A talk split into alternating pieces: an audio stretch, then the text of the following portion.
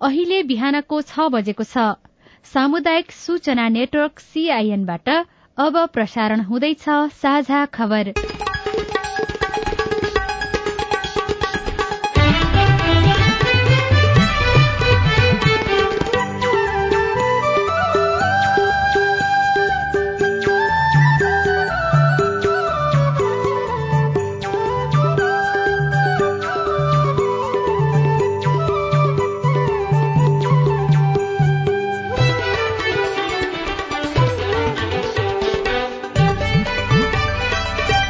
शुभ प्रभात यो सीआईएनको साझा खबर हो। उषा तामाङसँगै लील प्रकाश चन्दको तपाईँलाई स्वागत छ। सामुदायिक रेडियोबाट देशैभरि एकैसाथ प्रसारण भइरहेको साझा खबर सीआईएन खबर डट कम र मोबाइल एप सीआईएनबाट पनि सुन्न सकिन्छ। आज दुई हजार उनासी साल असोज अठाइस गते शुक्रबार अक्टोबर चौध तारीक सन् दुई हजार बाइस नेपाल सम्बत एघार सय बयालिस कार्तिक कृष्ण पक्षको पञ्चमी तिथि।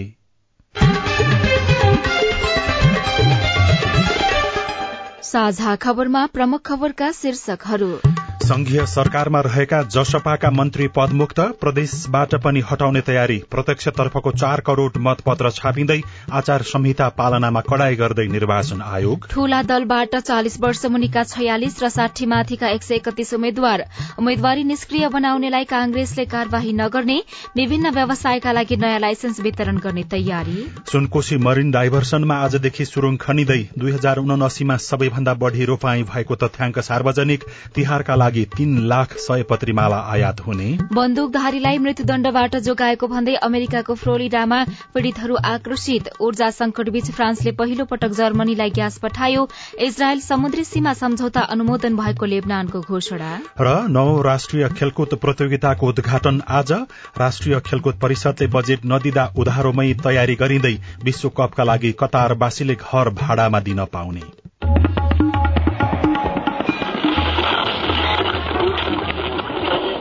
सयौं रेडियो। हजारौं रेडियो कर्मी र करोड़ौं नेपालीको माझमा यो हो सामुदायिक सूचना नेटवर्क सीआईएन साझा खबरको सबैभन्दा शुरूमा संघीय सरकारमा रहेका जसपाका मन्त्रीहरू पदमुक्त गरिएको र प्रदेशबाट पनि जसपाका मन्त्रीहरू हटाउने तयारी भएको प्रसंग जनता समाजवादी पार्टी जसपाका तर्फबाट सरकारमा सहभागी चारजना मन्त्री पदमुक्त भएका छन्। प्रधानमन्त्री शेरबहादुर देवाको सिफारिशमा संघीय मामिला तथा सामान्य प्रशासन मन्त्री राजेन्द्र श्रेष्ठ भौतिक पूर्वाधार तथा यातायात मन्त्री मोहम्मद इस्तियाक राई वन तथा वातावरण मन्त्री प्रदीप यादव र कृषि तथा पशुपन्छी मन्त्री मृगेन्द्र कुमार सिंह यादवलाई राष्ट्रपति विद्यादेवी भण्डारीले हिजो पदमुक्त गर्नुभएको हो। जसपाले चुनावका लागि नेकपा एमालेसँग गठबन्धन गरेपछि प्रधानमन्त्री देउवाले मन्त्रीहरूलाई पदमुक्त गर्ने निर्णय गर्दै राष्ट्रपति समक्ष सिफारिश पठाउनु भएको थियो। राष्ट्रपति भण्डारीले चारवटै मन्त्रालयको जिम्मेवारी प्रधानमन्त्री देउवालाई तोक्नु भएको छ। संघीय सरकारमा रहेका जसपाका मन्त्री हटाइएसँगै प्रदेश सरकारमा रहेका मन्त्रीहरू पनि पदमुक्त गर्ने तयारी भएको छ। मध्य प्रदेशका मुख्यमन्त्री लालबाबु रावतले जसपा बाहेक दलका तर्फबाट मन्त्री बनेकाहरूलाई हटाइने बताउनुभयो। यो स्वाभाविक हो। अब मानिहाल्नुहोस् कि अब भइराखेको छ संगठन अब हाम्रा मन्त्रीहरू हटेपछि अब निश्चित रूपमा अब यहाँको सरकारले म नेतृत्व गरिरहेछ सोच्नु पर्ने अवस्था छ। यसलाई अन्यथा भन्न मिल्दैन। हाम्रा मन्त्रीहरू कहीँ थिए भन्दाखेरि उनीहरू हटेपछि यहाँ पनि अब त्यस्तै परिस्थिति आउन सक्छ। कानून न्याय तथा संसदीय मामिला मन्त्रालयको जिम्मेवारी सरकारका प्रवक्ता एवं संचार तथा सूचना प्रविधि मन्त्री ज्ञानेन्द्र बहादुर कार्कीले पाउनु भएको छ। मन्त्री गोविन्द प्रसाद कोइरालाको पदावधि सकिएका कारण कानून मन्त्रालय मन्त्रीविहीन थियो। अब निर्वाचन सम्बन्धी प्रसंग निर्वाचन आयोगले दल तथा उम्मेद्वारहरूले गर्ने खर्चको विवरण नेपाल प्रहरी र राष्ट्रिय अनुसन्धान मार्फत संकलन गर्ने भएको छ। हिजो एउटा विज्ञप्ति जारी गर्दै आयोगको केन्द्रीय निर्वाचन आचार संहिता अनुगमन समितिले यस्तो निर्णय भएको आयोगले जनाएको छ। आयोगका सहसचिव एवं प्रवक्ता शालिग्राम शर्मा पौडेलद्वारा विज्ञप्ति निकालिँदै दल तथा उम्मेद्वारले गर्ने खर्चको विवरण तल्लो तहबाटै संकलन गर्नुपर्ने भन्दै यसका लागि गृह मन्त्रालय मार्फत नेपाल प्रहरी र राष्ट्रिय अनुसन्धान विभागका कर्मचारीलाई निर्देशन दिने निर्णय गरिएको उल्लेख गरिएको छ। विज्ञप्तिमा निर्वाचन आचार संहिता अनुसार कसैको निजी घर जग्गा वा सार्वजनिक भवन सार्वजनिक उद्यान सड़कका पोल वा कुनै पनि सार्वजनिक स्थानमा दलको झण्डा दल वा उम्मेद्वारको निर्वाचन चिन्ह राखेमा सम्बन्धित निर्वाचन क्षेत्रको सम्बन्धित उम्मेद्वारले राखेको मानि कार्यवाही हुने स्पष्ट व्यवस्था उल्लेख गर्दै यस्तो गरेको पाइएमा सम्बन्धित उम्मेद्वारलाई स्पष्टीकरण सोधी चौविस घण्टाभित्र त्यस्तो सामग्री हटाउन वा त्यस्तो स्थान दुरूस्त गर्न लगाउने भनी निर्णय गरिएको छ। त्यही बमोजिम नगरेमा निजलाई निर्वाचन आयोग ऐन अनुसार कार्यवाही गर्ने पनि निर्वाचन आयोगले चेतावनी दिएको छ। निर्वाचन आयोगले निर्वाचन आचार संहिता कड़ाईका साथ पालना गराउन मुख्य निर्वाचन अधिकृतहरूलाई निर्देशन दिएको छ।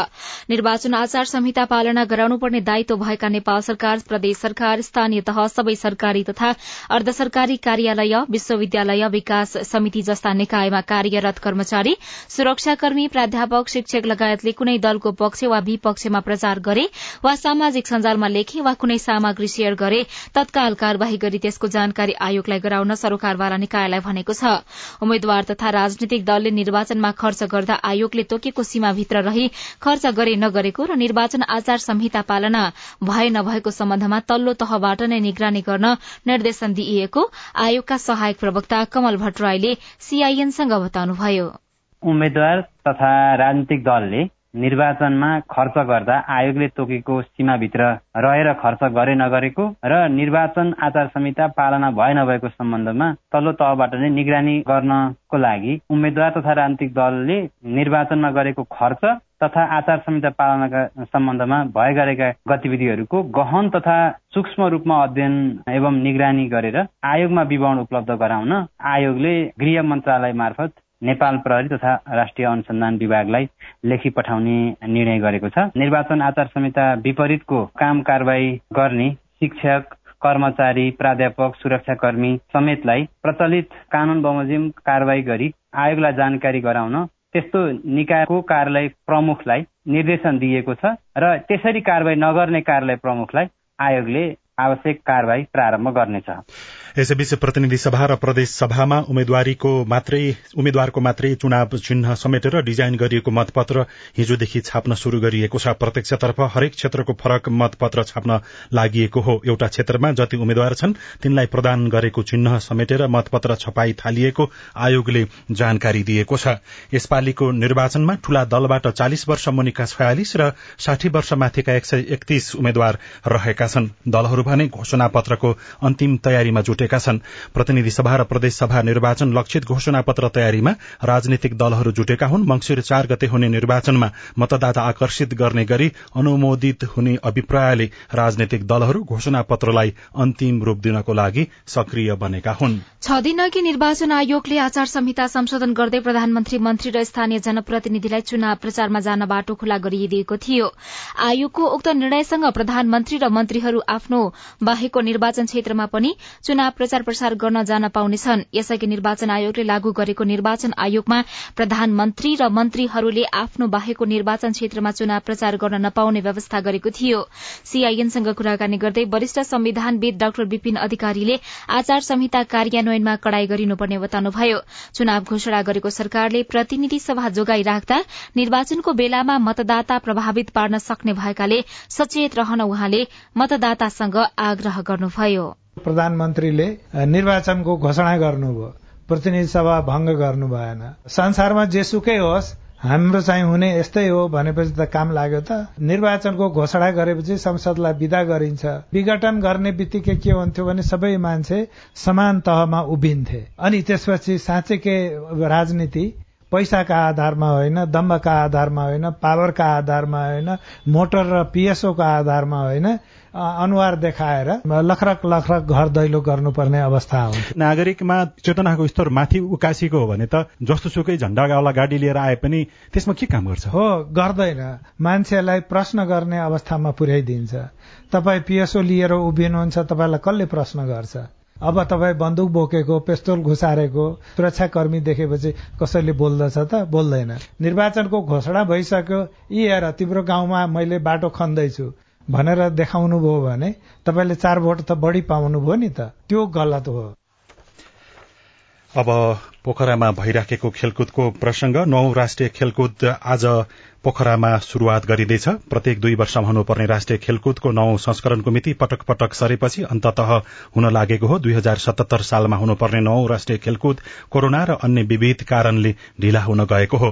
खेलकुदको उद्घाटन आज उपराष्ट्रपति नन्द बहादुर पुनले गर्दै हुनुहुन्छ। यसअघि राष्ट्रपति विद्यादेवी भण्डारीबाट राष्ट्रिय खेलकुदको उद्घाटन हुने भनिएको थियो तर राष्ट्रपति भण्डारी अस्वस्थ हुनु भएपछि राष्ट्रिय खेलकुद परिषदले उद्घाटनका लागि उपराष्ट्रपति पुनलाई निमन्त्रणा गरेको थियो। सीआईएनसँग कुराकानी गर्दै नौ राष्ट्रिय खेलकुद प्रतियोगिता आयोजक समितिका संयोजक एकेन्द्र कुँवरले सबै तयारी पूरा भएको जानकारी दिनुभयो। उन्चालिस वर्षपछि दोस्रो पल्ट जुन गण्डकी प्रदेशमा हुनु गरेको यो नौ राष्ट्रिय खेलकुद छ यसलाई सभ्य र भव्य गर्नुको निम्ति सातै प्रदेशले झाँकी पनि प्रदर्शन गर्नेछन्। नेपाली सेनाद्वारा तीन सय जनाको मार्च पास गर्नुहुनेछ उहाँले झण्डा लिएर। डेढ सय जनाले संयुक्त ब्यान्ड डिस्प्ले गर्नुहुनेछ र छप्पन्न जनाले सलामी ब्यान्डको पनि प्रदर्शन गर्नुहुनेछ। खेलकुदका लागि गण्डकी प्रदेशमा पुगेका खेलाड़ी सरोकारवाला सबै निकायको सुरक्षाका लागि तीनै तहका सुरक्षा अंग परिचालित भएको गण्डकी प्रदेश प्रहरी प्रमुख रामदत्त जोशीले बताउनुभयो। तीन सय त्रियानब्बे स्वर्ण तीन सय त्रियानब्बे रजत र छ सय काश्य पदकका लागि झण्डै सात हजार खेलाड़ीले प्रतिस्पर्धा गर्दैछन्।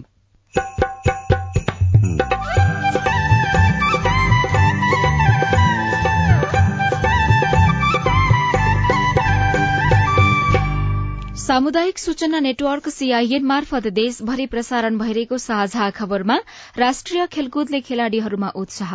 कतै गयौँ भने नि अब राष्ट्रिय खेलाडी भनेर चिन्दिन सक्छौँ। गौरव पनि होइन अब चान्सहरू पाउँछन् विदेशतिर होइन? ओलम्पिकसम्म गएर कि गोल्ड मेडलसम्म ल्याउने सोच छ। उम्मेद्वारी निष्क्रिय बनाउनेलाई नेपाली कांग्रेसले कार्यवाही नगर्ने विभिन्न व्यवसायका लागि नयाँ लाइसेन्स वितरण गर्ने सरकारको तयारी लगायतका खबर बाँकी नै छन्। सीआईएनको साझा खबर सुन्दै गर्नुहोला।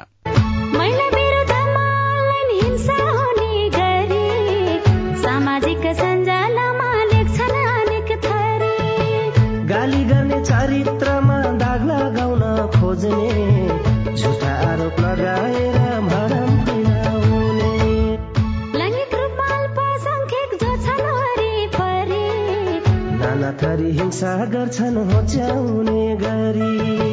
नजिस्काउनु शरीर र यौनिकतालाई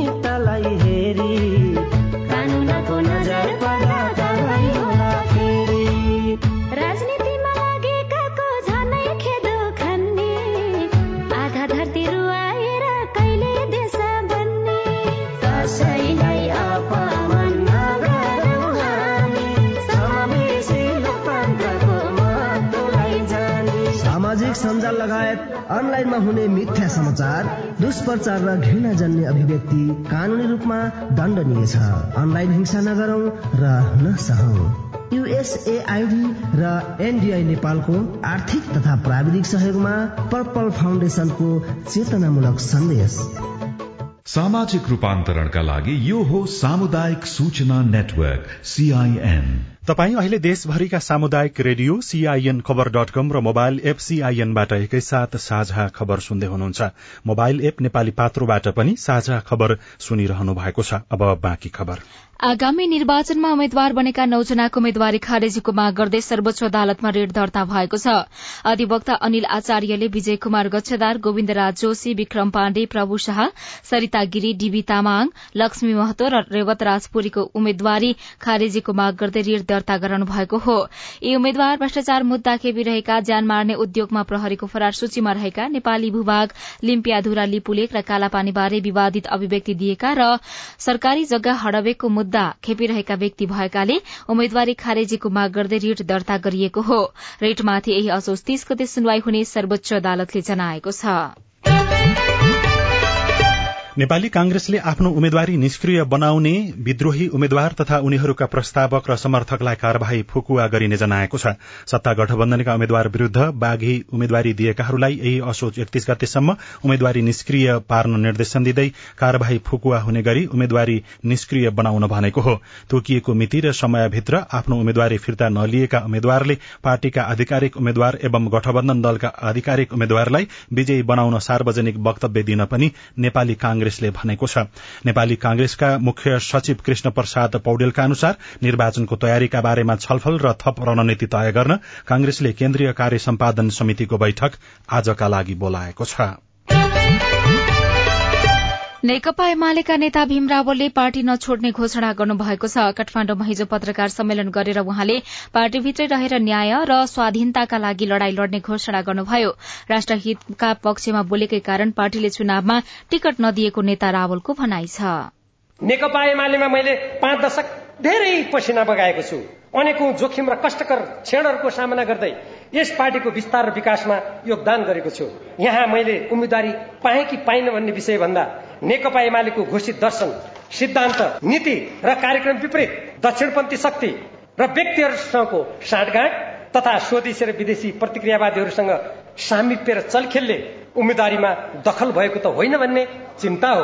नेकपा एमाले स्वदेशी र विदेशी प्रतिक्रियावादी र नेपालको स्वतन्त्रता समृद्धिमा घात गर्नेहरूबाट टाढा रही सिद्धान्त र कार्यक्रममा दृढताका साथ उभिँदै नेपालको सर्वोपरि हित एवं समृद्धिको मार्गमा चलोस् भनी पार्टीका इमान्दार नेता र कार्यकर्ताहरूले भूमिका खेल्नुपर्छ भन्ने मेरो धारणा र आह्वान छ।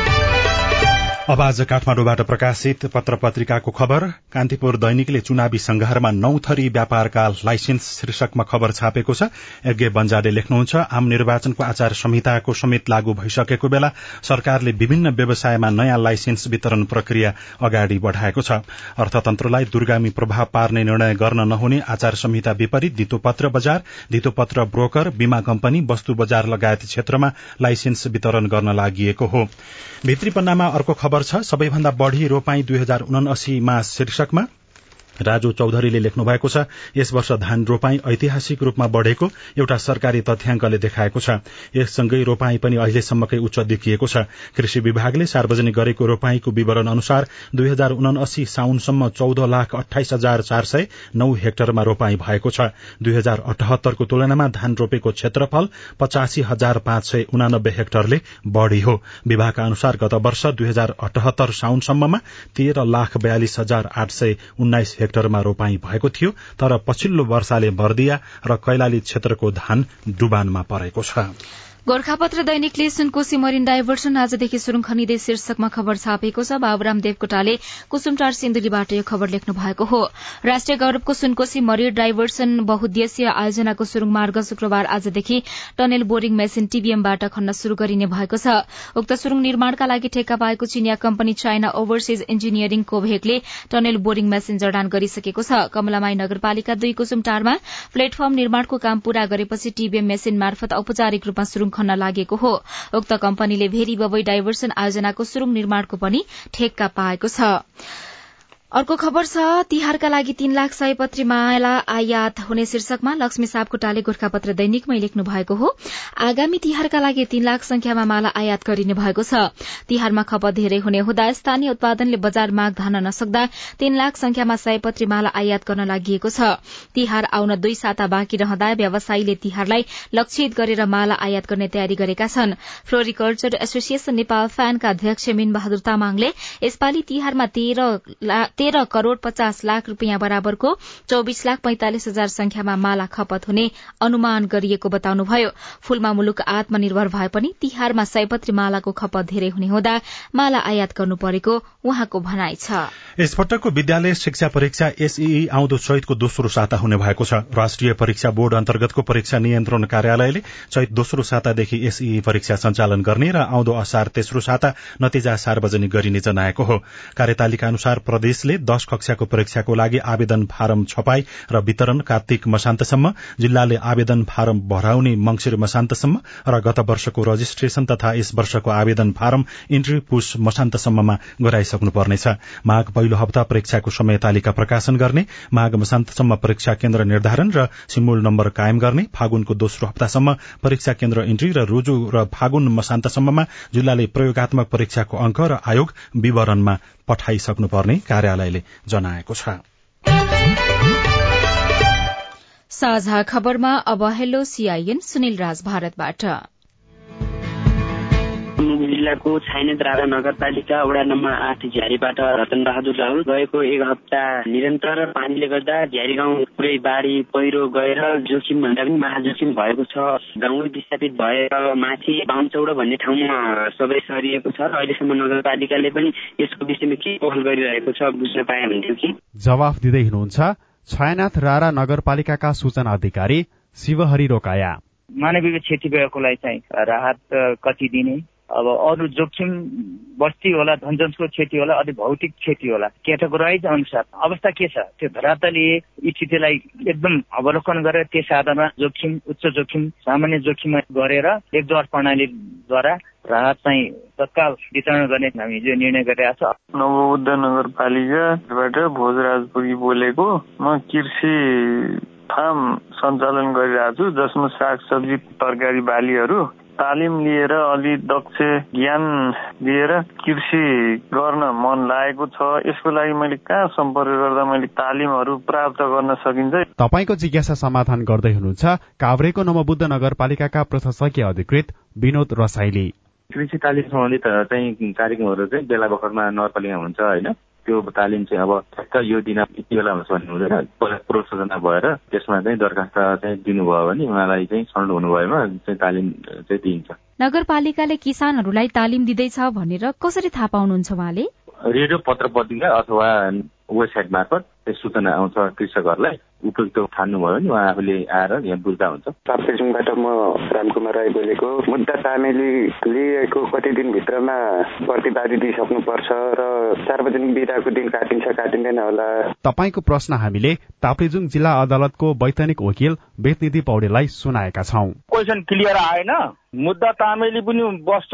अर्को मुद्दा उ छ भने मुल्तवी बस्छ तामेली तहसिलमा। अब मैले बुझेसम्म यसमा म्याद तामेल भएको मितिले एक्काइस दिनभित्र प्रतिवादी थापिसक्नुपर्छ। सम्बन्धित अड्डामा जानुपर्छ। यदि एक्काइस दिनभित्र जान सकेन भने पन्ध्र दिन थाम्न पाउँछ जम्मा छत्तिस दिनको म्याद हुन्छ। र त्यसको बिचमा सरकारी विधा पर्यो भने अड्डा तातिल र तातिल रहेको भोलिपल्ट चाहिँ गएर लिन पाउँछ। तपाईँ जुनसुकै बेला हाम्रो आइभीआर नम्बर शून्य एक बान्न साठी छ चार छमा फोन गरेर आफ्नो विचार गुनासो प्रश्न तथा प्रतिक्रिया रेकर्ड गर्न सक्नुहुनेछ। साझा खबरमा अब विदेशको खबर। अस्ट्रेलियाले अन्तर्राष्ट्रिय विद्यार्थीलाई दिइएको पूर्णकालीन काम गर्ने अधिकार कटौती गरेको छ। गृह मन्त्रालयले एउटा विज्ञप्ति जारी गर्दै अर्को आर्थिक वर्षको शुरूआतदेखि विद्यार्थीलाई तोकिएको भन्दा बढ़ी काम गर्न दिइएको अधिकार बन्द गरिने जनाएको हो। अस्ट्रेलियामा अध्ययनका लागि आउने अन्तर्राष्ट्रिय विद्यार्थीलाई दुई सातामा चालिस घण्टा काम गर्न पाउने कानूनी व्यवस्था गरिएको छ। तर कोरोना भाइरसको संक्रमण शुरू भएको केही समयपछि अस्ट्रेलियाले उक्त प्रावधान खुकुलो बनाएको थियो। फ्रान्सले बढ़दो ऊर्जा दबावका बीच युरोपियन एकतामा पहिलो पटक जर्मनीलाई ग्यास पठाएको छ। पाइपलाइन मार्फत वितरण गरिएको ग्यास रूसले युरोपमा बन्द गरेपछि गत महिना ऊर्जा एकता सम्झौतामा जर्मनीले फ्रान्सलाई आवश्यक पर्दा थप बिजुली उपलब्ध गराउने बताउँदै जर्मनीलाई ग्यास आपूर्तिमा मदत गर्न सहमत भएको थियो। अमेरिकाको एउटा राज्य फ्लोरिडाको पार्कल्याण्ड स्थित एक विद्यालयमा सत्र जनाको हत्या गर्ने बन्दुकधारीलाई मृत्युदण्डबाट जोगाएको भन्दै पीड़ितहरूले आक्रोश व्यक्त गरेका छन्। त्यहाँको एक जुरी जुरीले बन्दुकधारी निकोलस क्रूजलाई आजीवन कारावासमा राख्न सिफारिश गरेको थियो। बन्दुकधारी क्रूजले गत वर्ष अक्टोबरमा हत्या गरेको स्वीकार पनि गरेका थिए। अदालतमा फैसला बढ़ेपछि अदालतमा फैसलापछि पीड़ित परिवारका सदस्यहरू आक्रोशित भएका हुन्। र लेबनानका राष्ट्रपति मिसेल आउनले इजरायलसँगको अमेरिकी मध्यस्थता गरिएको समुद्री सीमा सम्झौतालाई आफ्नो देशले स्वीकार गरेको घोषणा गर्नुभएको छ। सन् उन्नाइस सय अडचालिसमा इजरायलको स्थापना भएदेखि नै औपचारिक रूपमा युद्धमा रहेका दुई देशबीचको सम्बन्धमा यो सम्झौतालाई ठूलो उपलब्धिको रूपमा टिप्पणी गरिएको छ। साझा खबरमा अब खेल खबर। नव राष्ट्रिय खेलकुद प्रतियोगिता आज उद्घाटन हुँदैछ। तीन कार्तिकसम्म चल्ने प्रतियोगिता अन्तर्गत केही खेल यसअघि नै शुरू भइसकेका छन् तर प्रतियोगिता सञ्चालन गर्न मुस्किल परिरहेको स्वयं आयोजक समितिका सदस्यहरू बताउँछन्। गण्डकी प्रदेशका आठवटा जिल्लामा विभिन्न प्रतियोगिता आयोजना गरिएको भए पनि कास्की बाहेक अन्य जिल्ला खेलकुद विकास समितिलाई प्रतियोगिताको तयारीका लागि रकम जुटाउने सकस परेको छ। हामीले चिन्जानका आधारमा उधारोको काम गरिरहेका छौं। महिला फुटबलका लागि मैदान तयार गर्ने क्रममा दुबो रोप्न मात्र पैंतालिस लाख खर्च भइसकेको छ। त्यस्तै मैदान सम्याउने मजदूरको ज्याला तथा मर्मत कार्य गरी बयानब्बे लाख खर्च भइसकेको छ। जिल्ला खेलकुद विकास समिति स्याङजाका अध्यक्ष मोहन गुरूङले भन्नुभयो राखेपले दिने भनेको दस लाख पनि दिएको छैन। सेपाक ताक्रा तथा कुस्ती खेलको आयोजना स्थल नवलपुरमा पनि राखेपले अहिलेसम्म खर्च पठाएको छैन।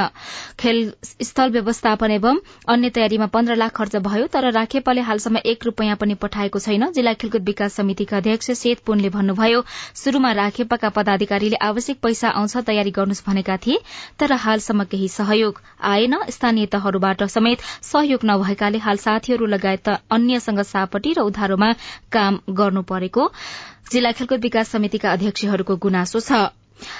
सन् दुई हजार बाइसको फिफा विश्वकप फुटबल प्रतियोगिताहरूको महिना कतारमा हुँदैछ। विश्वकपको बयानब्बे वर्ष इतिहासमा पहिलो पटक नोभेम्बर डिसेम्बरमा खेल आयोजना हुन लागेको हो। कतार विश्वकप मध्यपूर्वमा आयोजित सबैभन्दा ठूलो खेलकुद कार्यक्रम हुनेछ। कोविड उन्नाइसपछि विश्वकै ठूला घटना मध्ये एक हुनेछ। नोभेम्बरबाट हुने प्रतियोगितामा कतार निवासीले आफ्ना घर तथा कोठा भाड़ामा दिन सक्नेछन्। फुटबल विश्वकपमा फुटबल प्रशंसकहरूलाई सुविधा दिन तथा आवासको चिन्ता घटाउन कतार सरकारले आफ्ना जनतालाई निजी घर तथा कोठा भाड़ामा दिने दिन निर्णय गरेको हो। विश्वकपमा कतारले दश लाख भन्दा बढ़ी आगन्तुकलाई स्वागत गर्ने अपेक्षा गरेको छ। राष्ट्रिय खेलकुद प्रतियोगिताले खेलाड़ीहरूलाई पुग्ने फाइदा रेडियो रिपोर्ट स्वस्थ जीवनशैली सम्बन्धी सन्देश अरू खबर र कार्टुन पनि बाँकी नै छ। सीआईएनको साझा खबर सुन्दै गर्नुहोला।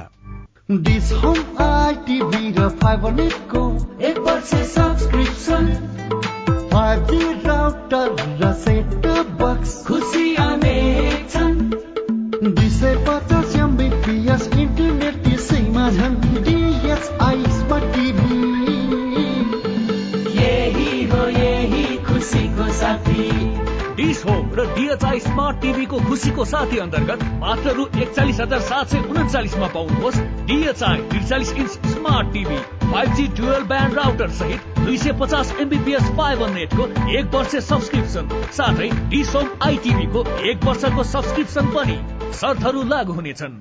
सामाजिक रूपान्तरणका लागि यो हो सामुदायिक सूचना नेटवर्क सीआईएन साझा खबरमा अब खेलाड़ीहरूमा देखेको उत्साह। उनाचालिस वर्ष अघि दोस्रो राष्ट्रिय खेलकुद प्रतियोगिता आयोजना गरेको पोखरामा यसपटक राष्ट्रिय खेलकुदकै नवौं संस्करण आयोजना हुँदैछ। विभिन्न छत्तीस खेलका लागि एघार टोलीका झण्डै सात हजार खेलाड़ीले सहभागिता जनाउने राष्ट्रिय खेलकुदका लागि खेलाड़ी र प्रशिक्षक उत्साही देखिन्छन्। पोखराको परिचयसँग जोडिएको एउटा खेल हो प्याराग्लाइडिङ। प्याराग्लाइडिङका लागि अन्तर्राष्ट्रिय स्तरमै धेरै प्रतियोगिता आयोजना हुन्छन्। जहाँ नेपालले पनि सहभागिता जनाउने गरेको छ। तर देशभित्रै भने प्याराग्लाइडिङले खेलभन्दा बढ़ी व्यवसायको पहिचान बनाएको छ। प्याराग्लाइडिङ संघका महासचिव शैलेन्द्र राउत पोखरामै आयोजना गरिएको नवौं राष्ट्रिय खेलकुद प्रतियोगिताले प्याराग्लाइडिङलाई खेलको परिचय दिलाउनेमा विश्वस्त हुनुहुन्छ। प्रतियोगिता त अफिसियल रूपमा त अलिक कम भएको आठौँबाट हामीले इन्ट्री पाएको हौ होइन? एसियन गेममा हामीले तपाईँको सिल्भर मेडल जितेको हौ। अब प्याराग्लाइडिङको इतिहास बोकेको गण्डकी छ त्यसले गर्दा हामी त बहुतै उत्साहित छौँ। र लगभग सत्तरीजना जति खेलाडी दर्ता हुनुभएको छ। राष्ट्रिय खेलकुद प्रतियोगिता खेलाड़ीका लागि आफूलाई चिनाउने र निखार्ने अवसर पनि हो। तेह्र वर्षको उमेरमै प्रदेशको प्रतिनिधित्व गर्दै खो खो खेलमा सहभागी हुन पोखरा रंगशाला पुग्नुभएका कास्की हेम्जाका विपसा उत्साही हुनुहुन्छ। पहिला स्कुलमा चाहिँ रनिङ गर्थ्यौँ स्पोर्ट मिटमा अनि सरले नेसनल गेम हुँदैछ भन्नुभयो। अनि हामी चाहिँ पहिला ट्रेनिङ गर्थ्यौँ अनि ट्रेनिङ गर्दा गर्दै अनि स्कुल स्तरीय सेलेक्सन हुने भयो प्रतियोगितामा सात प्रदेश नेपाल आर्मी सशस्त्र प्रहरी नेपाल प्रहरी र एनआरएनए गरी एघार टोली सहभागी छन्। केही खेलाड़ी अनुभवका लागि राष्ट्रिय खेलकुद प्रतियोगिताको ढोकामा आइपुगेका छन् तर कतिपयलाई यही प्रतियोगिता मार्फत अन्तर्राष्ट्रिय प्रतिस्पर्धाको ढोका खोल्नु छ। उसुका लागि गण्डकी प्रदेशका खेलाड़ी इस्माइल भण्डारी। आफ्नो ठाउँको प्रतिनिधित्व गर्ने पनि हो र अर्को कुरा अब बाहिर इन्टरनेसनल गेम खेल्नको लागि अब अरू अरू विभागबाटै जान्छन् नि त। त्यो भइसकेपछि अब वी क्यान डु भन्ने पनि छ नि त एउटा। होइन सिभिलियनले पनि गर्न सक्छ भन्ने एउटा हो। विभागीय टोलीबाट सहभागिता जनाउनेहरूमा उच्च मनोबल देखिन्छ। तर सुदूरपश्चिमका फेन्सिङ खेलका खेलाड़ी रोहित रावल भने प्रतियोगिता हुने भएपछि खेलाड़ी खोज्ने प्रवृत्तिले नतिजा राम्रो नहुने बताउनुहुन्छ। तयारी नै गरेन वर्षभरि भन्दा नि त्यही हो पाँच महिना हो। जेठको लास्ट लास्टतिर आएको एक्सपिरियन्स थिएन नि त अनि जाने बित्तिकै अलि आत्तिने जस्तो महसुस हुन्थ्यो तीन सय त्रियानब्बे स्वर्ण सोही संख्यामा रजत र छ सय काश्य पदकका लागि झण्डै सात हजार खेलाड़ी प्रतिस्पर्धामा उत्रनेछन्। धेरैजसो खेलाड़ी पर्याप्त तयारी गर्न नपाए पनि प्रतियोगिता भएकोमै खुशी छन्। मलाई चाहिँ एकदम खुसी र गौरव लागिरहेछ किनभनेपछि अब हामीहरू अब कतै गयौँ भने नि अब राष्ट्रिय खेलाडी भनेर चिनिन गर्छौँ सक्छौँ। गौरव पनि होइन अब जसले गर्दा हामीहरूको विभिन्न किसिमका अब गेमहरू उत्पन्न हुन्छन् खेलाडी पनि धेरै चान्सहरू पाउँछन् विदेशतिर होइन? हामीहरू सानै उमेरदेखि राष्ट्रिय खेलमा लागिरहेछौँ। ओलम्पिकसम्म गएर कि गोल्ड मेडलसम्म ल्याउने सोच छ। पुरूष क्रिकेट प्रतियोगिता दशैं अघि नै सकिएको छ भने केही खेलहरू तेइस गतेबाट भइरहेका छन्। अविनाश आचार्य सीआईएन पोखरा। रिपोर्टसँगै हामी साझा खबरको अन्त्यमा आइपुगेका छौं। सामुदायिक रेडियो प्रसारक संघद्वारा संचालित सीआईएनको बिहान छ बजेको साझा खबर सक्नु अघि मुख्य मुख्य खबर फेरि एकपटक। संघीय सरकारमा रहेका जसपाका मन्त्री पद मुक्त प्रत्यक्षतर्फको चार करोड़ मतपत्र छापिँदै आचार संहिता पालनामा कड़ाई गर्दै निर्वाचन आयोग। ठूला दलबाट चालिस वर्ष मुनिका छयालिस र साठी वर्ष माथिका एक सय एकतीस उम्मेद्वार उम्मेद्वारी निष्क्रिय बनाउनेलाई कांग्रेसले कार्यवाही नगर्ने विभिन्न व्यवसायका लागि नयाँ लाइसेन्स वितरण गर्ने तयारी। सुनकोशी मरिन डाइभर्सनमा आजदेखि सुरुङ खनिँदै दुई हजार उनासीमा सबैभन्दा बढ़ी रोपाई भएको तथ्याङ्क सार्वजनिक तिहारका लागि तीन लाख सयपत्री माला आयात हुने। बन्दुकधारीलाई मृत्युदण्डबाट जोगाएको भन्दै अमेरिकाको फ्लोरिडामा प्रदर्शन ऊर्जा संकट बीच फ्रान्सले पहिलो पटक जर्मनीलाई ग्यास पठायो। इजरायल समुद्री सीमा सम्झौता अनुमोदन भएको लेबनानको घोषणा। र नवौं राष्ट्रिय खेलकुद प्रतियोगिताको उद्घाटन आज। राखेपले बजेट नदिँदा उधारोमै तयारी। विश्वकपका लागि कतारवासीले घर भाडामा दिन पाउने। साझा खबरको अन्त्यमा कार्टुन कार्टुन हामीले पहिलो पोस्ट डट कमको अनलाइनबाट लिएका छौं। रविन्द्रले बनाउनु भएको हो। यहाँ व्यङ्ग्य गर्न खोजिएको छ। वृद्ध अवस्थामा लागेका व्यक्तिहरू पनि चुनावी मैदानमा उत्रिएका छन्। एउटा गेट बनाइएको छ। गेटको माथिपट्टि बोर्ड लेखिएको छ ब्यूटी पार्लर। यहाँ बुढा नेतालाई तन्नेरी बनाइन्छ भनेर लेखिएको छ। एकजना व्यक्तिले त्यहाँ वृद्ध अवस्थाका नेताहरूलाई स्वागत गरिराखेको जस्तो देखाइएको छ। पछाडिपट्टि अर्को लामो लाइन देखाइएको छ। जहाँ विभिन्न उमेर समूहका व्यक्तिहरू त्यहाँ लामबद्ध देखिन्छन् माथि चाहिँ यस्तो लेखिएको छ। अब जनताले युवालाई मात्र भोट दिने रे त्यसैले वृद्ध अवस्थाका नेताहरू चाहिँ ब्यूटी पार्लरतिर क्या? हवस् त प्राविधिक साथी सुनिल राज भारतलाई धन्यवाद। अहिलेलाई लील प्रकाश चन्द र उषा तामाङ विदा भयौं। तपाईँको आजको दिन शुभ होस्। नमस्कार। यसपछि देशभरिका सामुदायिक रेडियोबाट कार्यक्रम हेलो सांसद प्रसारण हुनेछ। सुन्ने प्रयास गर्नुहोला।